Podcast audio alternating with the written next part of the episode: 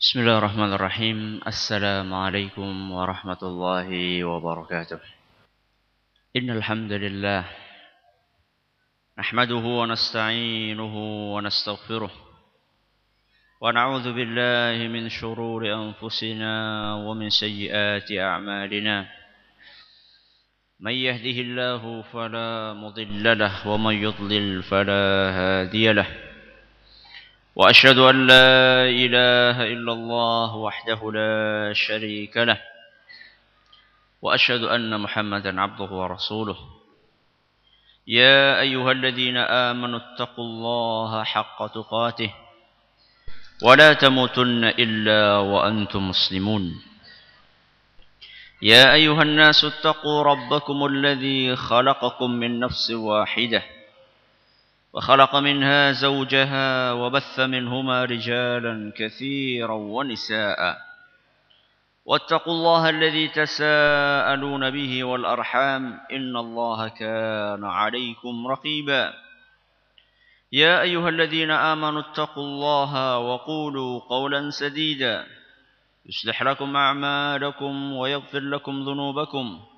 ومن يطع الله ورسوله فقد فاز فوزا عظيما أما بعد فإن أصدق الحديث كتاب الله وخير الهدى هدى محمد صلى الله عليه وسلم وشر الأمور محدثاتها وكل بدعة ضلالة Kita panjatkan puja dan puji kehadirat Allah Tabaraka wa Ta'ala.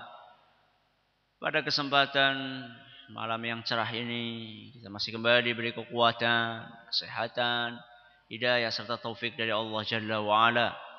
Sehingga kita bisa kembali menghadiri pengajian rutin di Masjid Agung Purbalingga ini. Kita berharap semoga Allah Tabaraka wa Ta'ala berkenan untuk melimpahkan kepada kita semua ilmu yang bermanfaat sehingga bisa kita amalkan sebagai bekal untuk menghadap kepada Allah Jalla wa Ala. Amin ya rabbal alamin. Salam dan salam semoga senantiasa tercurahkan kepada Nabi kita Muhammad sallallahu alaihi wasallam kepada para sahabatnya, keluarganya dan umatnya yang setia mengikuti tuntunannya hingga hari akhir nanti. Para hadirin dan hadirat yang kami hormati, kaum muslimin dan kaum muslimat, para pendengar Radio Roja di Jakarta, Bandung dan sekitarnya, para pendengar Radio As-Sunnah FM di Cirebon dan sekitarnya, Radio Nasr Sunnah di Madiun dan sekitarnya, serta Radio Bas FM di Salatiga dan sekitarnya. Kita akan memasuki atau melanjutkan pembahasan tentang agar kita bisa merasakan indahnya Ramadan. Saat itu kita jelaskan ada beberapa kiat yang digariskan oleh para ulama.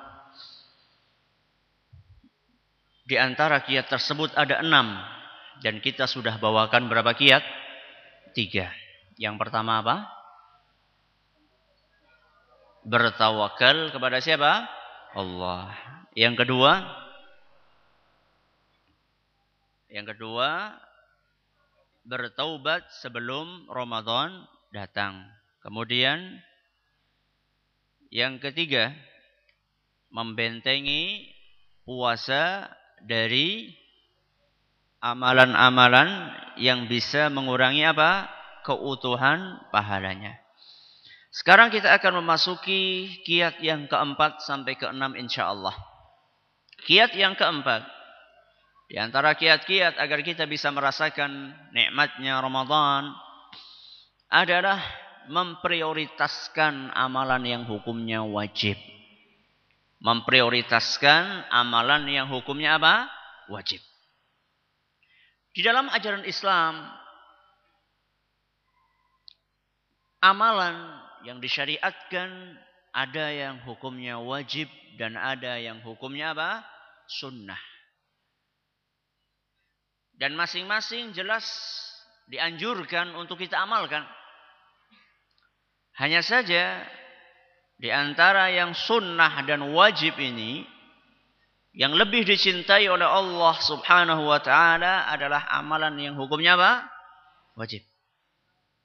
Sebagaimana diterangkan oleh Allah tabaraka wa taala dalam sebuah hadis qudsi yang diriwayatkan oleh Imam Al-Bukhari rahimahullah. Kata Allah Subhanahu wa taala, "Wa ma taqarraba ilayya 'abdi bi syai'in ahabba ilayya mimma aftaradtuhu 'alaihi." Kata Allah Subhanahu wa taala, dan tidaklah seorang hambaku bertakarrub melakukan amalan yang bisa mendekatkan dirinya kepadaku yang lebih aku cintai dibandingkan dengan amalan yang aku wajibkan atas orang itu. Jadi hadis ini merupakan nas yang sangat jelas yang menunjukkan bahwasanya antara yang sunnah dengan yang wajib itu lebih dicintai oleh Allah yang mana? Yang wajib. Maka ketika kita memasuki bulan Ramadan, sekian banyak amalan ada di dalamnya. Kita harus pintar untuk memilah dan memilih. Kita harus pintar untuk memprioritaskan dan mementingkan mana yang wajib dan mana yang sunnah. Jangan sampai kita termasuk seperti orang-orang yang kesiangan sholat subuh ketika ditanya loh jenengan jeneng kawanan kena ngapa jan mumbungi tahajudnya suwe banget mumbungi tahajudnya apa? Suwe banget nganti nopo subuhe kerainan. Kata niku leres napa mboten? Mboten. Kenapa? Karena tahajud hukumnya apa? Sunnah. Sholat subuh hukumnya apa? Wajib. Jadi kita harus punya skala prioritas. Harus ada yang lebih kita pentingkan. Semuanya penting. Yang sunnah penting, yang wajib penting. Tapi di antara yang penting-penting ini ada yang lebih apa? Penting. Contoh misalnya. Sholat lima waktu. Di bulan Ramadan, kita berusaha untuk menjaga sholat lima waktu semaksimal mungkin. Kita berusaha untuk mengamalkan apa yang disebutkan oleh Nabi sallallahu alaihi wasallam dalam sebuah hadis yang diriwayatkan oleh Imam At-Tirmizi dan hadis ini dinilai hasan oleh Syekh Al-Albani. Kata Nabi sallallahu alaihi wasallam, "Man shalla lillahi arba'ina yawman fi jamaah." Barang siapa yang salat karena Allah berjamaah selama 40 hari. Berapa hari? 40 hari. Yudriku takbiratal ula. Menjumpai takbiratul ihramnya imam. Maksudnya apa? Dari awal. Maksudnya dari awal gimana?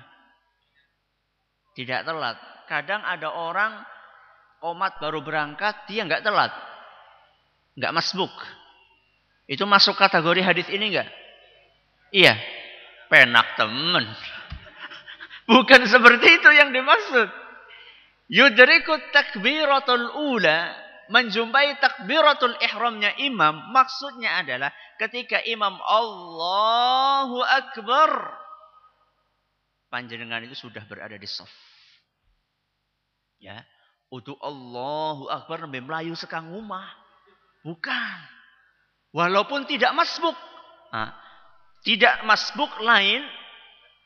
Kemudian mendapatkan takbiratul ihram lain lagi. Ini derajat dan peringkat yang lebih apa?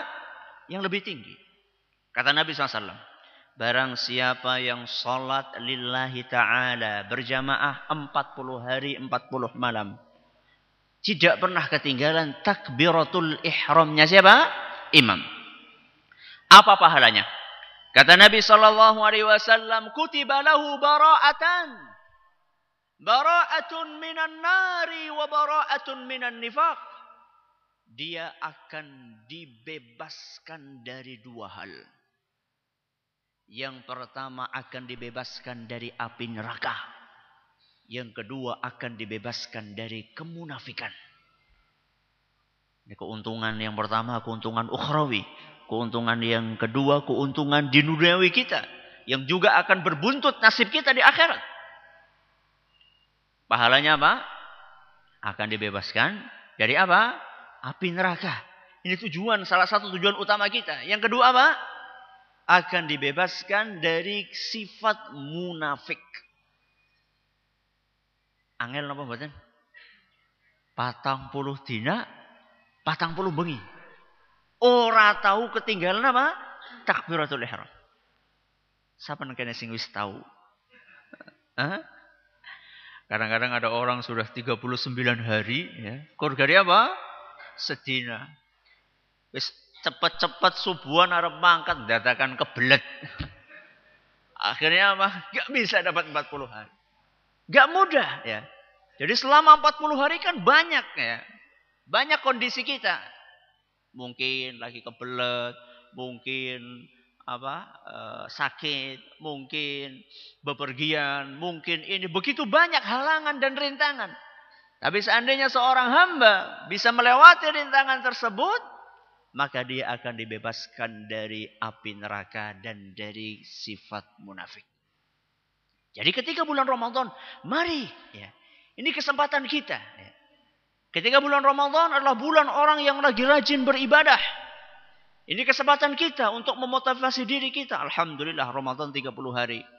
Hari nambah pira? 10 hari di bulan Syawal. Terus orang mau masjid gue. Oh ya tidak.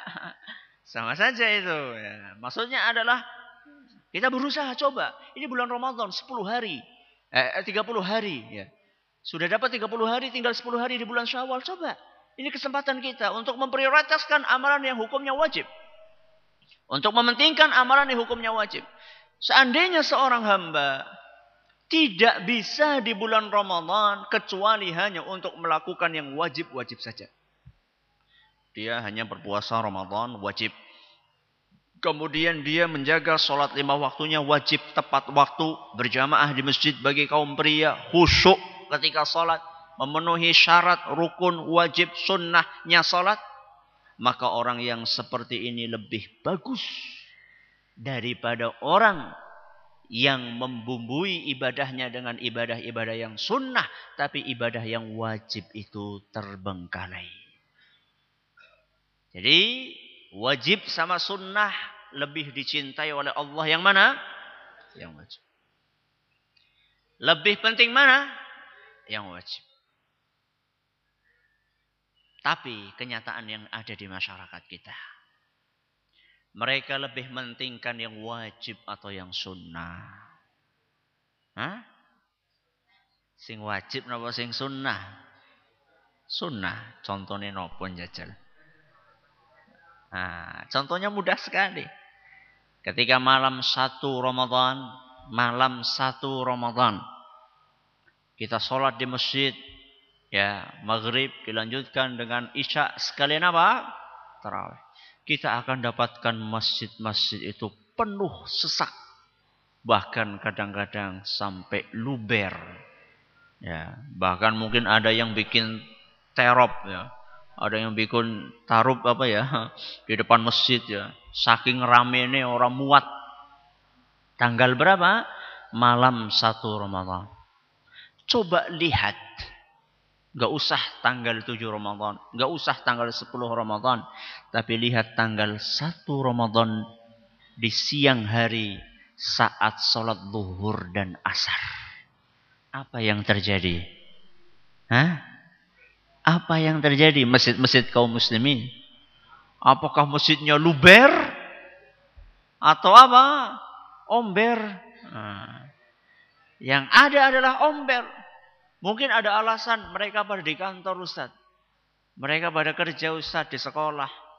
Apa masjid di kantor dan sekolah luber? Nah, kalau alasannya mereka pada di di kantor. Ya.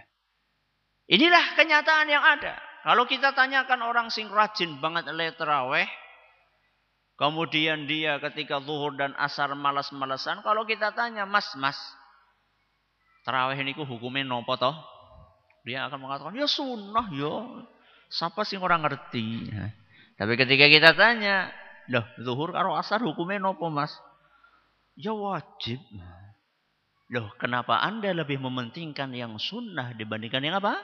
Yang wajib. Wah, ustaz iki mulang kon pada ora traweh iki.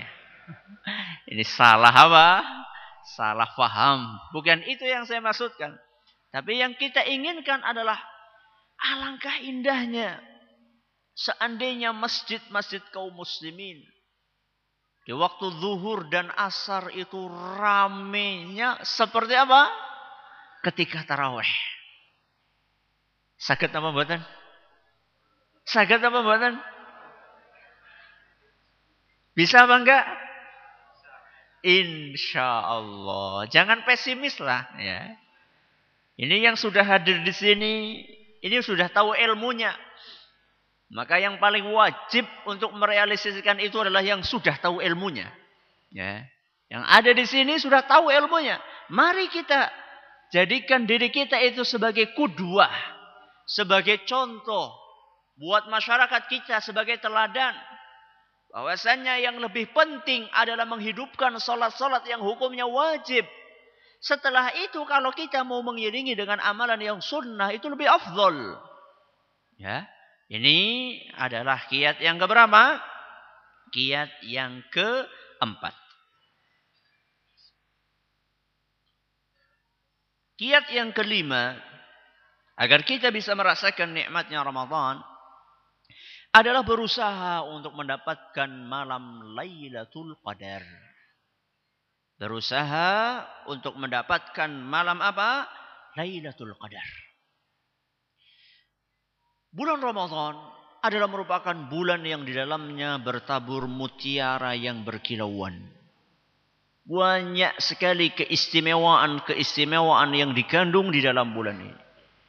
Di antara mutiara yang tidak ternilai harganya adalah suatu malam yang ada di dalam bulan Ramadan yang dinamakan oleh Allah dengan Lailatul Qadar. Malam ini banyak sekali fadilah dan keistimewaannya. Di antaranya malam ini adalah merupakan malam diturunkannya apa? Al-Quran. Kemudian malam ini adalah malam di mana di dalamnya para malaikat turun dengan membawa rahmat dan kasih sayang. Dan malam ini adalah merupakan malam yang berbarokah. Dan yang lebih dari itu semua malam ini adalah merupakan malam yang lebih utama daripada seribu bulan. Disebutkan dalam Al-Quran surat Al-Qadar. Laylatul Qadri khairun min alfi syahr. Laylatul Qadar lebih utama daripada seribu bulan. Nopo maksudnya? Apa arti dari ayat ini?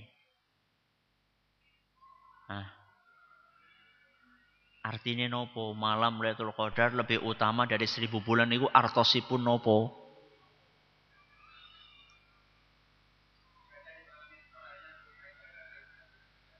Ibadah di malam itu pahalanya lebih baik daripada ibadah seribu bulan. Seribu bulan itu pinten tahun? Delapan puluh tiga tahun. Ah, sing delapan puluh empat. Sing bener sing di? Hah? Lebih, lebih pinten. guru matematika pun di, guru matematika. Hah? 8 kurang satu bulan. 83 tahun 4 bulan. Ya. 83 tahun 4 bulan. Artinya, seandainya kita beribadah di malam tersebut. Satu malam. Malam Lailatul Qadar. Kok kemudian ibadah itu diterima oleh Allah subhanahu wa ta'ala? Maka ibadah yang satu malam itu lebih besar pahalanya dibandingkan beribadah muput selama 83 tahun 4 bulan tanpa istirahat. Seandainya ibadah kita di satu malam, yaitu malam apa? Lailatul Qadar. Diterima oleh Allah subhanahu wa ta'ala. Maka pahalanya lebih besar dibandingkan ibadah selama 83 tahun 4 bulan tanpa istirahat. Pripun? Istimewa? Makanya saya katakan malam Lailatul Qadar itu adalah malam yang tidak ternilai harganya. Maka kata Nabi sallallahu alaihi wasallam lillahi fihi lailah hiya khairum min alf syahr. Man hurima khairuha faqad hurim. Di dalam bulan Ramadan ada sebuah malam yang lebih utama daripada seribu bulan. Barang siapa yang terhalang untuk mendapatkannya maka sesungguhnya dia adalah orang yang diharamkan oleh Allah Subhanahu wa taala untuk mendapatkan kebaikan. Jadi kalau sampai kita lewat Ramadan nggak dapat Lailatul Qadar demi Allah ini adalah merupakan kerugian yang luar biasa. Nggak tahu kita sudah pernah dapat Lailatul Qadar apa belum? Ya, muka-muka. Ya. Pertama kalau kita pengen dapat caranya bagaimana? Pertama kita perlu mengetahui kapan malam Lailatul Qadar itu jatuh. Kata Nabi sallallahu alaihi wasallam, "Taharrau Lailatul Qadri fil ashril awakhiri min Ramadan." Carilah Lailatul Qadar itu di 10 hari terakhir di bulan Ramadan. Hadis riwayat Bukhari dan Muslim. Jadi malam Lailatul Qadar itu nggak akan keluar dari 10 hari terakhir bulan Ramadan.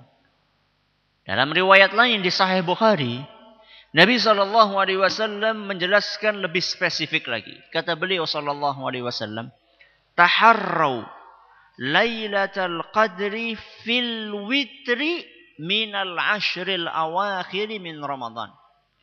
Carilah Lailatul Qadar di malam yang nopo ganjil. Dari apa? Dari 10 hari terakhir.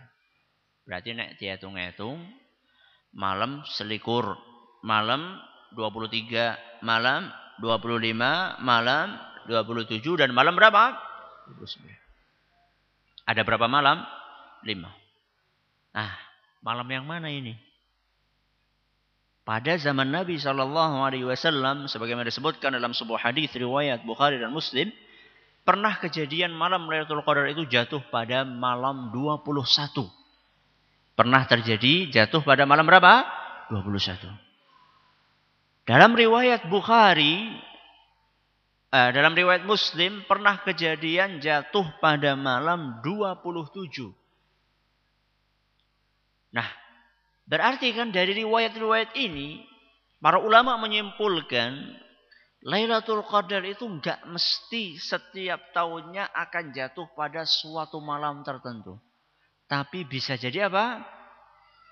Berpindah-pindah.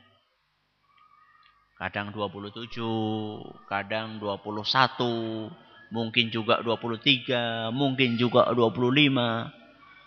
Yang jadi pertanyaan, kenapa kok jadi rahasia seperti itu. Kenapa kok gak langsung ditentukan Lailatul Qadar malam pitu ligur? Eh, rampung. Eh. Kenapa? Apa rahasianya? Semangat. Iya. Kalau dirahasiakan malam itu kita akan bersemangat di seluruh malam. Kalau kita bersemangat di seluruh malam berarti ibadah kita semakin ba banyak. Kalau ibadah kita semakin banyak, sing untung sinten? Siapa yang untung? Kita sendiri. Tapi kalau misalnya ditentukan, dah tahun ini malam Lailatul Qadar malam selikur. Gimana? Malam selikur kabehan tangi. Malam telilikur. Gimana? Sepi semuanya apa? Soleh malam Lailatul Qadar Nah. Itulah salah satu rahasianya.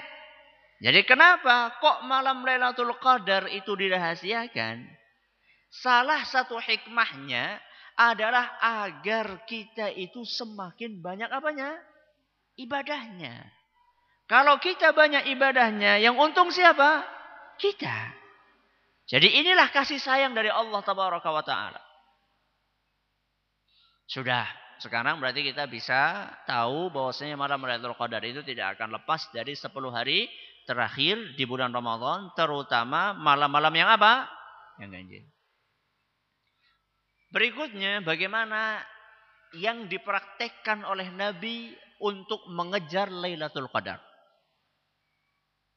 Setelah tahu malam-malamnya, kita perlu mengetahui apa yang dipraktekkan dan dilakukan oleh Nabi SAW pada malam-malam itu. Disebutkan dalam sebuah hadis yang diriwayatkan oleh Imam Bukhari dan Muslim.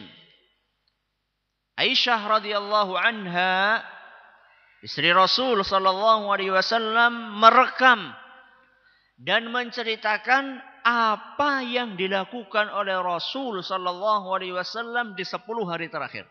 Kata beliau, "Kana Rasulullah sallallahu alaihi wasallam idza dakhala al-ashra" Rasulullah sallallahu alaihi wasallam seandainya masuk 10 hari terakhir yang pertama syadda mi'zarahu mengencangkan ikat pinggang. Ini yang pertama. Yang kedua, ahya lailahu menghidupkan malamnya. Yang ketiga, kata Aisyah radhiyallahu anha, aiqadha ahlahu membangunkan keluarganya. Berapa? Tiga. Yang pertama, mengencangkan ikat pinggang. Apa maksudnya? Bagus. Maksud dari mengencangkan ikat pinggang itu udu nganggo sabuk sing seret. Bukan itu maksudnya orang bisa ambekan lo. Yang dimaksud mengencangkan ikat pinggang itu adalah meninggalkan hubungan suami istri. Ah, meninggalkan hubungan suami istri itu apa haram Ustaz? Enggak haram enggak halal. Dan itu berdasarkan nas dalam Al-Quran. Kata Allah subhanahu wa ta'ala, Uhillat lakum laylatas siyami rafathu ila nisaikum. Pada malam bulan Ramadan dihalalkan atau malam bulan puasa dihalalkan bagi kalian untuk berhubungan suami istri. Jadi halal, nggak apa-apa. Tapi yang jadi pertanyaan, kenapa yang halal ini oleh Nabi dihindarkan? Nah, yang sudah nikah ini. Kenapa? Hah? Yang bujangan-bujangan nggak saya tanya. Nah, yang sudah nikah kenapa? Fokus. Apa iya? Apa malah nggak kepikiran kalau Hah? Apa? Butuh energi, bagus. Kalau kita habis hubungan suami istri itu kan mesti energi kita apa? Terkuras. Nek energinya wis terkuras, gawane apa? Ngantuk. Nah, pengennya apa? Turu. Nah, akhirnya nggak bisa menghidupkan apa? Malam. Jadi Nabi Shallallahu Alaihi Wasallam itu ingin all out, ingin maksimal untuk betul-betul beribadah sebaik-baiknya di bulan itu, di malam-malam itu. Makanya sampai sesuatu yang halal beliau hindarkan. Kenapa? Karena yang halal ini bisa mengurangi semangat beliau dalam beribadah. Maka kalau udah masuk 10 hari terakhir, okay, terutama sing malam-malam ganjil, ngaso disit. Ya, istirahat dulu. Di stop dulu. Wane wis malam baca ora apa-apa. Ya. Jadi coba ditahan dulu, ya, ditahan dulu supaya kita bisa apa? Maksimal dalam apa? Beribadah kepada siapa? Allah. Ini yang pertama. Yang kedua, apa tadi? Menghidupkan malam. Menghidupkan malam itu bukan sembarang melek ya. Engkau melek nang alun-alun darani melu Lailatul Qadar. Bukan. Menghidupkan malam di sini adalah mengisi malam itu dengan ibadah kepada Allah Subhanahu wa taala. Ya, apa saja terserah. Iktikaf itu kalau bisa itu bagus sekali bisa iktikaf. Kemudian juga tapi iktikaf jangan cuma tidur dok ya. Iktikaf cuma mindah apa? tempat tidur. Dari rumah ke mana? Ke masjid. Bukan itu karena tujuan utama iktikaf bukan bukan hanya tidur, boleh tidur, tapi itu bukan tujuannya ya. Ya iktikaf, kemudian sholat, membaca Al-Quran, berzikir, berdoa. Gak apa-apa, di selang-seling itu gak apa-apa. Jadi panjenengan misalnya sholat disit. Sholat suwe-suwe kok sikile semutan. Nah, ganti baca Quran, duduk baca Quran. Baca Quran lama-lama kok suarane serak. Nah, ganti zikir yang nggak butuh suara keras zikir. Zikir kok lama-lama apa? Ngantuk. Apalagi tidur. Ya ora sida. ngantuk apa? Wudhu lagi. Nah, wudhu lagi, ngopi nggak apa-apa, mau bikin mie nggak apa-apa. Tapi jangan kebanyakan nanti malah jadi apa? Ngantuk. Sekedar untuk menghilangkan apa? Rasa kantuk. Ya. Kemudian sholat lagi, zikir, membaca Al-Quran, berdoa kepada Allah subhanahu wa ta'ala. Pendek kata kita, makmurkan malam itu dengan ibadah. Kepada siapa? Allah subhanahu wa ta'ala. Ini yang keberapa? Yang kedua. Yang ketiga, aikodho ahlahu membangunkan apa? Keluarga. Ini pelajaran berharga buat kita. Rasulullah Shallallahu Alaihi Wasallam mengajarkan kepada kita, kalau kita ini pengen masuk surga, jangan sendirian. Ajak siapa? Keluarga kita. Jadi alangkah indahnya ya di malam-malam Lailatul Qadar atau malam-malam yang diprediksikan akan turun Lailatul Qadar. Si ayah sedang sholat di ruang tamu. Istri membaca Al-Quran di kamar anak-anaknya semuanya berzikir, berdoa di ruang tengah.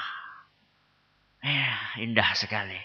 Itulah keluarga sing jerene mawadah warahmah wasakinah. Tapi nek malam-malam Lailatul Qadar kok kabehan ngorok. Bapake ngleder ibune pada baik, anak-anaknya apa maning. Nah. Wah, itu bukan rumah yang mawadah sakinah warahmah walaupun ditulis di dindingnya apa? Mawadah sakinah warahmah bukan. Mari, ini saatnya kita untuk mengajak anak-anak kita, untuk mengajak istri kita, orang tua kita, keponakan kita, paman kita, bibi kita. Mari kita makmurkan malam itu. Dan satu lagi, bacaan yang disunahkan oleh Nabi SAW untuk kita perbanyak pada malam-malam itu adalah Allahumma innaka afuwun atau afuwun karim tuhibbul afwa fa'fu anni. Ini perbanyak ya. Karena Aisyah radhiyallahu anha pernah ada bertanya kepada Rasul SAW, wahai Rasul, Seandainya saya menjumpai malam-malam itu wahai Rasul. Apa yang seharusnya saya baca? Kata Nabi SAW. Kuli bacalah Allahumma innaka afuun tuhibbul afwa fa'fu anni. Ya Rabbi, sesungguhnya engkau itu maha pemaaf dan mencintai maaf. Maka maafkanlah aku. Ini uh, kiat untuk mendapatkan apa? Lailatul Qadar. Kemudian kiat yang keenam agar kita bisa merasakan nikmat dan indahnya Ramadan. Mari kita jadikan Ramadan ini sebagai madrasah. Kita jadikan Ramadan ini sebagai apa? Madrasah. Apa maksudnya Ustaz? Yang namanya orang sekolah, dia akan belajar yang baik-baik. Ya. Mana ada sekolah itu mengajarkan yang buruk-buruk ya. Rata-rata sekolah itu mengajarkan yang baik. Nah, ketika orang sudah mengetahui yang baik, semestinya kalau dia sudah tamat dari madrasah atau sekolahan itu, semestinya kan kebiasaan atau pelajaran baik itu diteruskan atau dihentikan? Diteruskan. Ini maksudnya. Kita jadikan Ramadan sebagai madrasah maksudnya adalah di dalam bulan Ramadan kita berusaha untuk mendidik diri kita untuk rajin beribadah.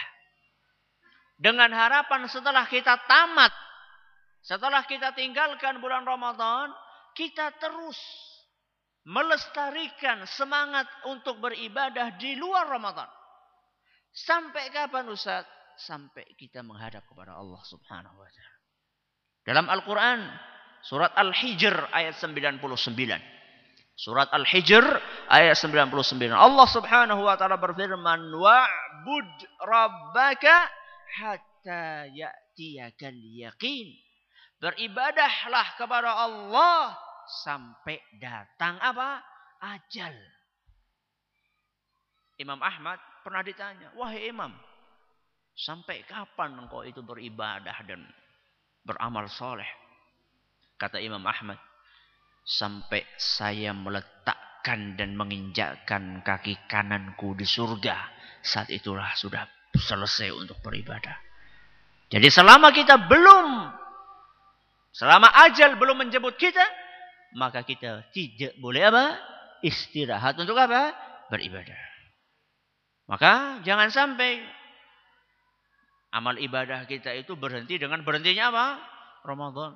Pas Ramadan tah Masya Allah. Sholatnya nang masjid. Ngajinya rajin. Sedekahnya Masya Allah. Tapi bareng rampung Ramadan apa? Buas salam.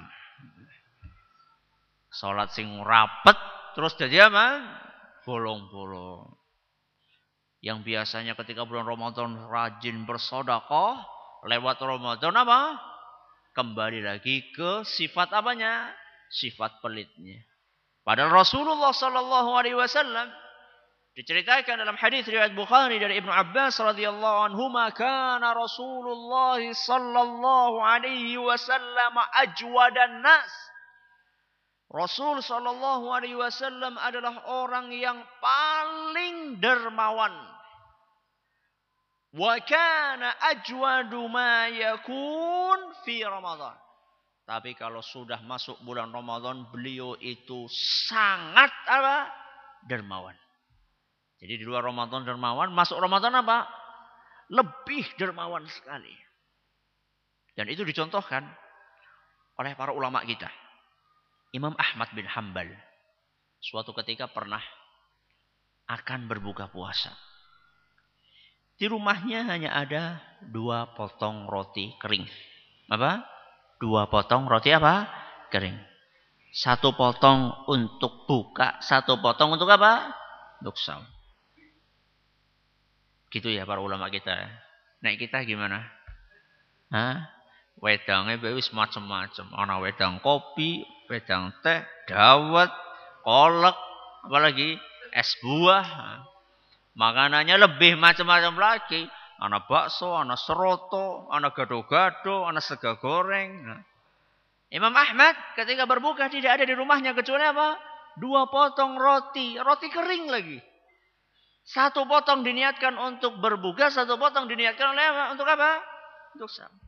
Ketika akan berbuka, tok tok tok tok. Siapa? Pengemis. Ya. Minta-minta, wahai imam. Saya nggak punya apa-apa untuk berbuka, wahai imam. Saya nggak punya apa-apa untuk berbuka. Saya lapar sekali, wahai imam. Apa yang dilakukan oleh Imam Ahmad? Kalau pikiran kita kan sing sepotong gue di paro ya. Separohnya kita kasihkan sama orang miskin. Yang dilakukan oleh Imam Ahmad tidak pernah kita bayangkan. Apa yang dilakukan? Dua potong roti kering itu semuanya diberikan sama pengemis tadi. Dua potong kering itu roti kering itu semuanya diberikan. Loh, panjenengan buka kali nopo Imam Ahmad? Beliau berbuka hanya dengan air putih. Dan beliau bersahur hanya dengan air putih. Subhanallah. Potret kedermawanan para ulama salaf itu seperti itu. Bagaimana dengan kita? Ada orang mengemis datang ke rumah kita. Nun saya upak lawuh lah. Orang anak apa-apa nang rumah. Padahal ya anak mendoan, anak tempe, anak tahu, anak kerupuk, jadi ini orang anak apa-apa. Subhanallah. Jadi inilah contoh. Inilah kedua kita. Jadi di tengah umat itu sedang kehilangan panutan. Kehilangan kudua. Ini loh kudua kita para ulama salaf. Contohlah mereka. Sebelumnya Nabi kita Muhammad sallallahu alaihi wasallam, para sahabat Nabi sallallahu alaihi wasallam, para ulama salaf. Itulah kudwah kita, itulah teladan kita, itulah contoh kita. Ketika orang sedang tertipu dengan hingar-bingarnya budaya yang diimport dari barat. Ini loh kisah-kisah yang menakjubkan yang tidak pernah terdetik di dalam benak kita dan seakan-akan itu adalah dongeng yang berasal dari negeri antah berantah.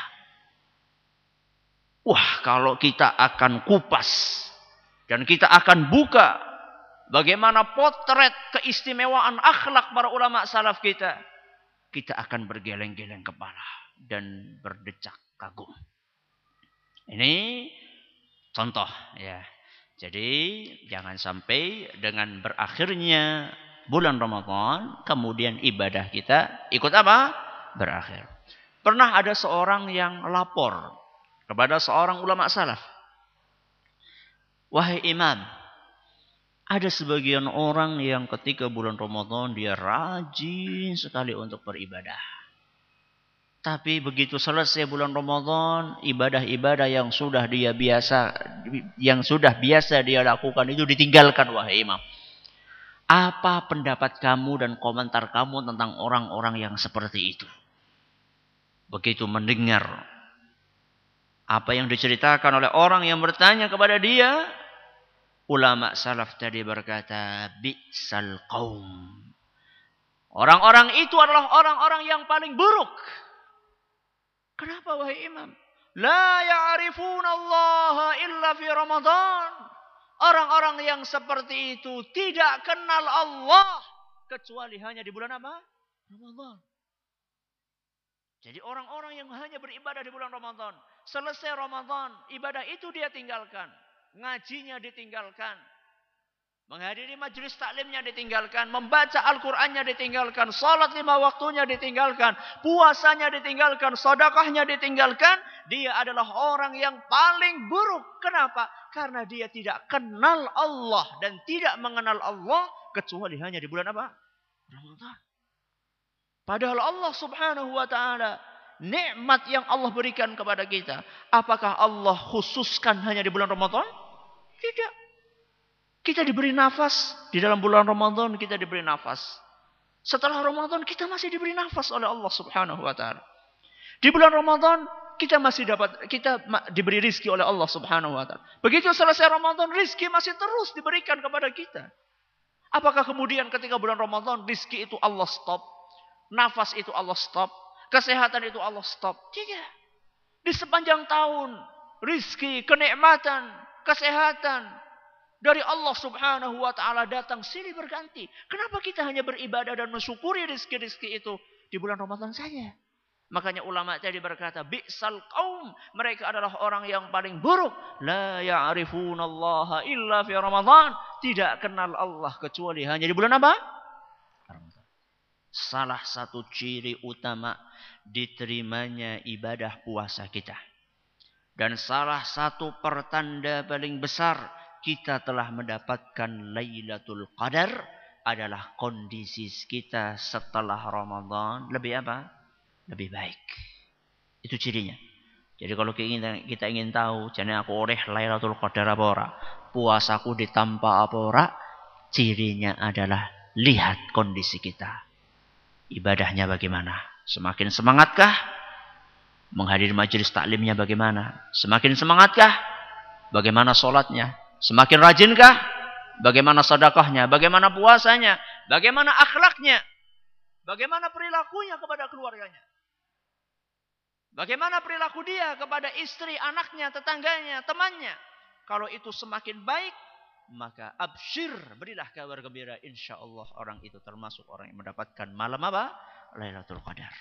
Tapi kalau misalnya sama saja, bersedihlah anda belum beruntung, belum mendapatkan Lailatul Qadar. Semoga kita terhindar dari golongan tersebut. Masih ada waktu. Masih ada waktu kita. Kita belum ketemu dengan apa? Bulan Ramadan. Mari kita pancangkan niat di dalam hati kita yang paling dalam.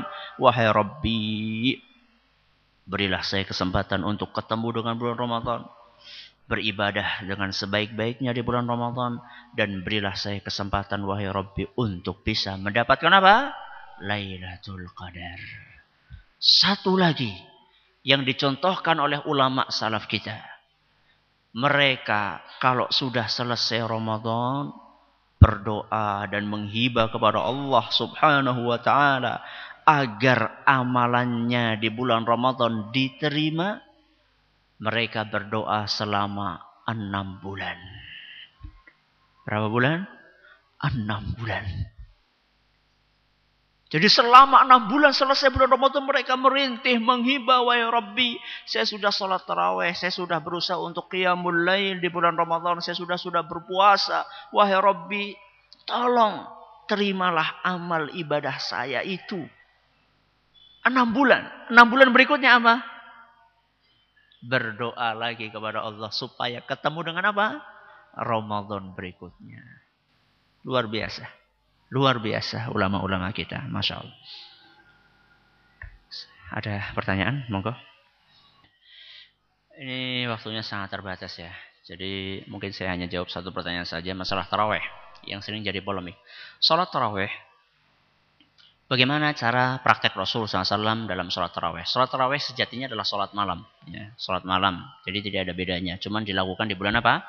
Ramadan. Caranya sholat taraweh. Itu baik yang 443 maupun yang 2222221 atau 2223 itu semuanya ada hadisnya. Semuanya ada hadisnya dan semuanya sahih. Semuanya apa? Sahih. Hadis yang mengatakan 443 adalah hadis riwayat Muslim dari Aisyah radhiyallahu anha. Diceritakan oleh Aisyah radhiyallahu anha kana Rasulullah sallallahu alaihi wasallam shalla arba'an La tas'al an husnihinna wa tulihinna. Rasulullah SAW sholat malam empat rakaat. Dan jangan kalian tanya bagaimana indah dan panjangnya. Kemudian beliau sholat empat lagi, kemudian sholat tiga rakaat. Ini dalil yang empat, empat, tiga. Dalil yang dua, dua, dua adalah sabda Nabi Shallallahu Alaihi Wasallam, sholatul layli matna matna. Sholat malam itu dua, dua, dua. Jadi yang jadi harapan adalah jangan sampai perbedaan seperti ini menimbulkan perpecahan di antara kaum muslimin. Ada sebagian daerah yang gara-gara hanya beda 443 221 sampai berbeda masjid. Sing arep salat papat-papat telu nang kana. Sing arep salat loro-loro nang kene. Sing arep salat papat telu oroli nang kene. Gak ada aturan seperti itu. Dua-duanya sama-sama ada hadisnya dan hadisnya sama-sama sahih. Lain kalau misalnya antara sunnah dengan bid'ah. Lain antara tauhid dengan syirik. Kita harus tegas. Harus ada harus ada hitam dan apa? Putih. Gak ada warna abu-abu kalau sudah tauhid, syirik, bid'ah, sunnah. Tapi ini bukan bid'ah sunnah. Ini bukan tauhid syirik. Tapi ini amalan yang masing-masing ada dalilnya dan dalilnya hadis yang sahih. Ya, Gak boleh permasalahan seperti ini menimbulkan polemik di antara apa? Kaum muslimin. Ya. 443 221. Dua-duanya sama-sama betul. Dan sama-sama ada hadisnya. Maka bagaimana caranya? Ikut saja yang ada di depannya. Ya, imamnya sholat papat-papat tiga, empat-empat tiga, ya silahkan ikut. Imamnya sholat dua-dua satu, ya silahkan ikut. Ya, itu yang perlu saya tekankan pada kesempatan kali ini. Saya kira cukup sampai di sini. Mohon maaf ini waktunya sangat terbatas dan nggak bisa kita jawab pertanyaannya. Semoga bermanfaat bagi kita semua. Wallahu taala a'la wa alam atas segala perhatian yang kami ucapkan terima kasih atas segala kekurangannya kami mohon maaf yang sebesar-besarnya. Subhanakallahumma rabbana wa bihamdika asyhadu an la ilaha illa anta astaghfiruka wa atubu ilaik. Wassalamualaikum warahmatullahi wabarakatuh.